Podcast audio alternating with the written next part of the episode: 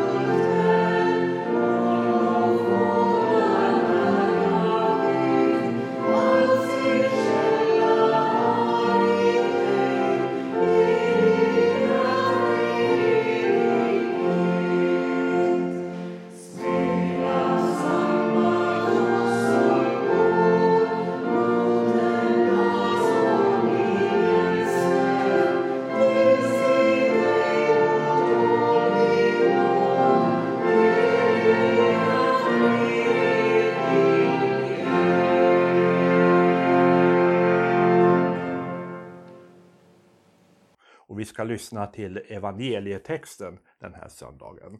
Och den är hämtad ifrån Matteus evangeliet 23 kapitlet vers 1 till 12. Sedan talade Jesus till folket och sina lärjungar och sade De skriftlärda och fariseerna har satt sig på Moses stol. Gör därför allt vad de lär er och håll fast vid det. Men handla inte som de gör, för de säger ett och gör ett annat. De binder ihop tunga bördor och lägger dem på människornas axlar, men själva rör de inte ett finger för att rätta till dem. Allt vad de företar sig gör det för att människorna ska lägga märke till dem. De skaffar sig breda böneremsor och stora manteltofsar. De tycker om att ha hedersplatsen på gästabuden och sitta främst i synagogan och de vill bli hälsade på torgen och kallas rabbi av alla människor. Men ni ska inte låta er kallas rabbi, ty en är läromästare och ni är alla bröder.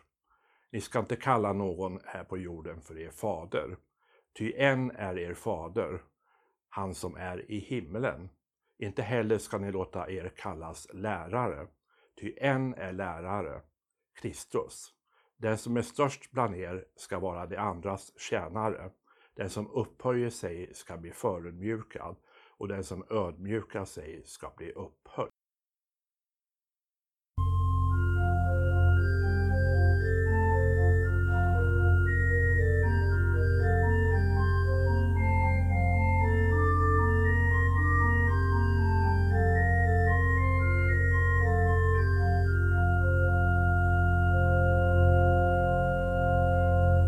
Texterna den här söndagen, de kretsar kring yta och innehåll, kring utsida och insida.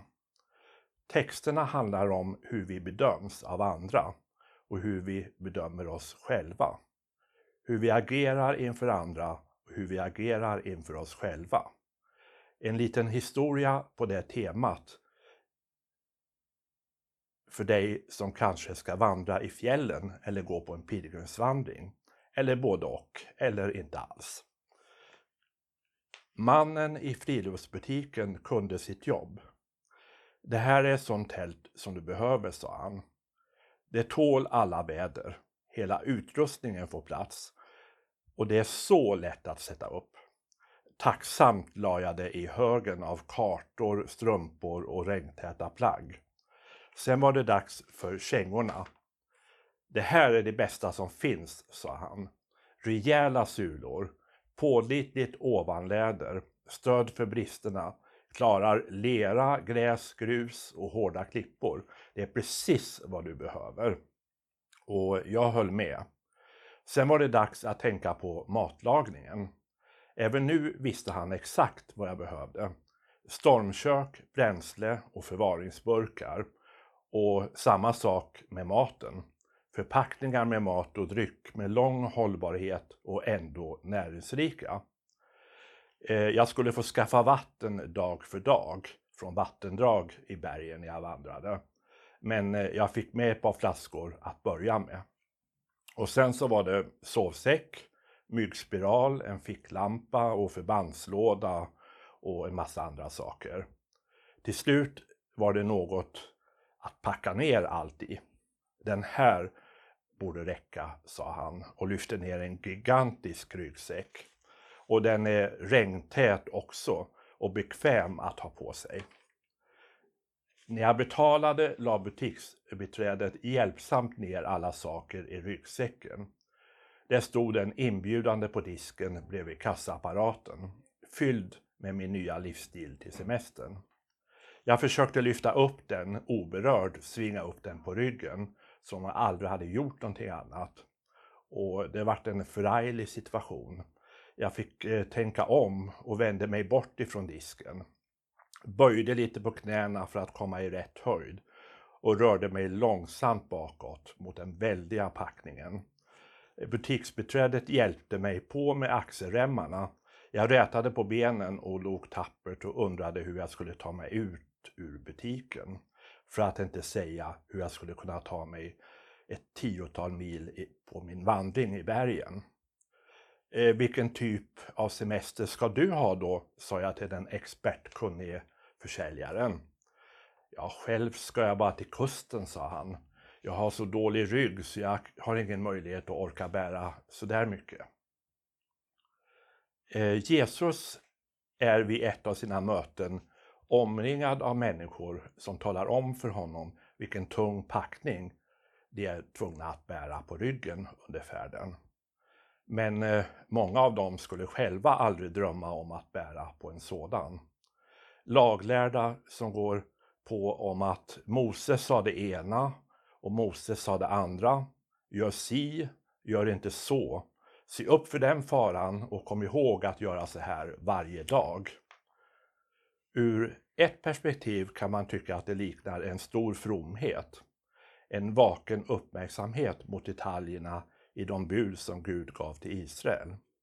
Men eh, ur ett annat liknar det en försäljare som berättar för en vandrare om allt han bör ta med sig utan att någonsin själv bege sig ut på en vandring. Generationer av predikanter har använt den här texten för att kritisera kyrkliga ledare.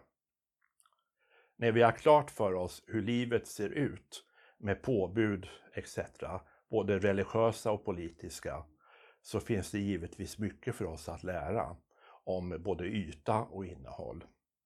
Det viktigaste är den mäktiga principen ödmjukhet som talas om i verserna 11 och 12.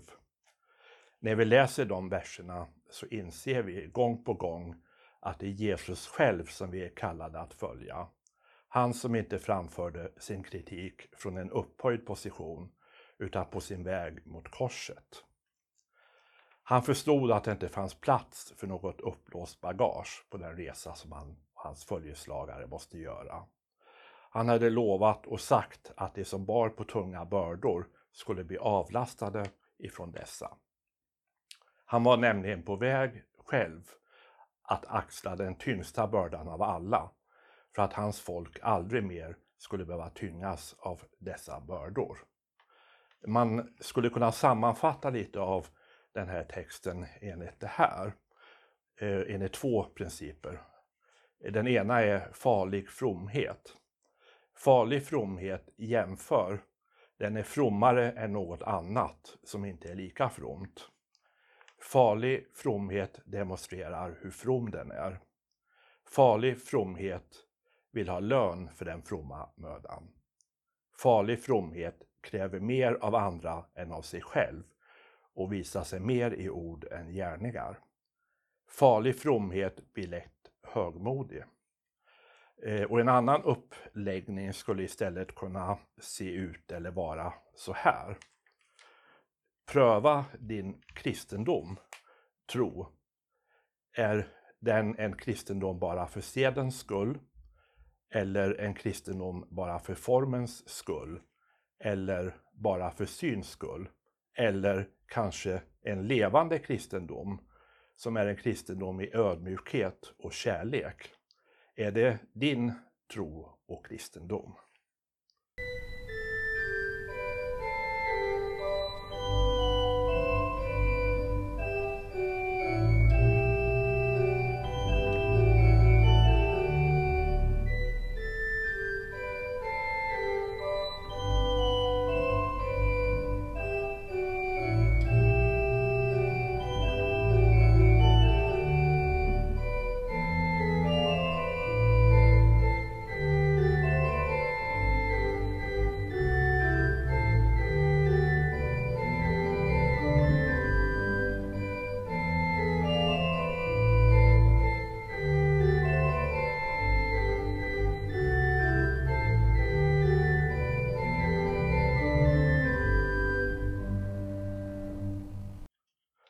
Vi ber tillsammans, eller ber.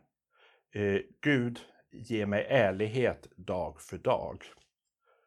Du vet att så mycket av mitt livs tydning är präglat av det jag tagit emot. Mycket är oklart och mycket är bestämt av äldre tider. Lär mig ärlighet, Gud. Öva mig i att våga ifrågasätta på ett vist sätt. Du vet ju att jag i varje ifrågasättande kommer närmare dig. Du är sanning, all sanning källa.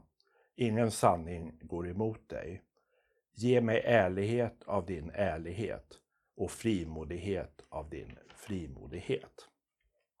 Låt oss så tillsammans be Herrens bön.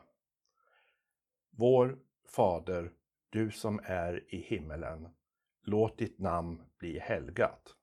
Låt ditt rike komma. Låt din vilja ske på jorden så som i himlen. Ge oss idag det bröd vi behöver och förlåt oss våra skulder, liksom vi har förlåtit dem som står i skuld till oss.